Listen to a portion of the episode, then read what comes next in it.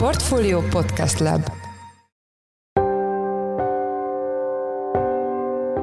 Mindenkit üdvözlünk augusztus 22-én hétfőn. Én Pitner Gábor vagyok, a Portfolio Podcast Lab szerkesztője, ez pedig a checklist, a Portfolio munkanapokon megjelenő podcastjének rendkívüli, beharangozó adása a délután 5 órakor kezdődő műsor előtt. Az extra bejelentkezés oka, hogy ma reggel bombaként robbant a hír, hogy gigantikus tranzakció várható a magyar távközlésben. A 4 ugyanis felvásárolja a Vodafone Magyarországot. A tranzakcióval kapcsolatban most Nagy Viktorral, a portfólió vezető részvényelemzőjével hallhattok egy rövid beszélgetést a legfrissebb információkkal. A beszélgetést Orosz Márton, a Portfolio Podcast Lab munkatársa rögzítette.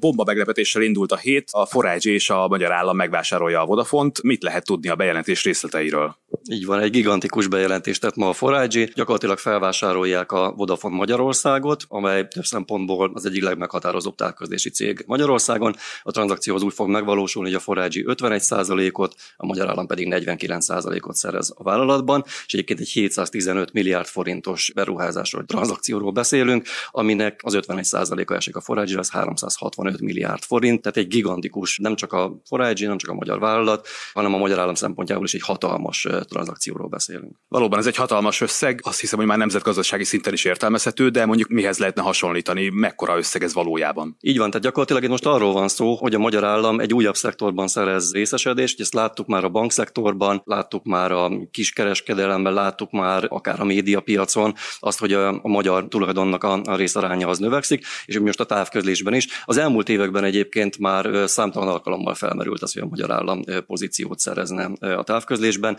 Gyakorlatilag az összes piacon lévő cég, a Magyar Telekom, a Vodafone és a Telenor, amely most már ilyettel neve felmerült ebben a kérdésben, és hát most nagyon úgy tűnik, hogy meg is valósul ez a tranzakció a Vodafone felvásárlásán keresztül.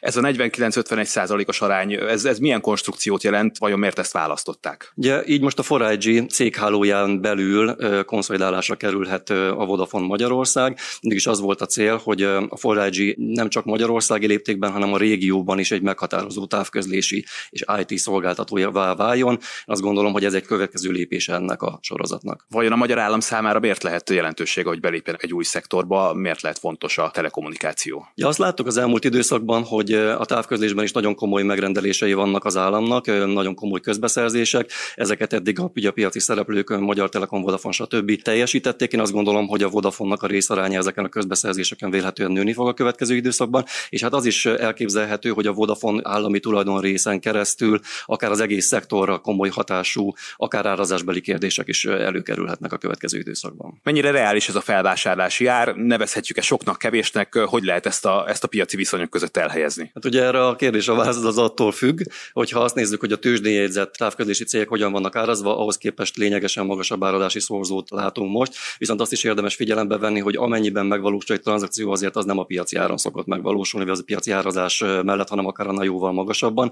És megnéztük azt is, hogy az elmúlt időszakban, az elmúlt években milyen tranzakciók valósultak meg a szektorban, és azt látjuk, hogy jellemzően még ennél is jóval drágábban vásároltak fel cégeket. Én azt gondolom, hogy a 7,7-es EV per EBITDA szorzó az nem, nem magas.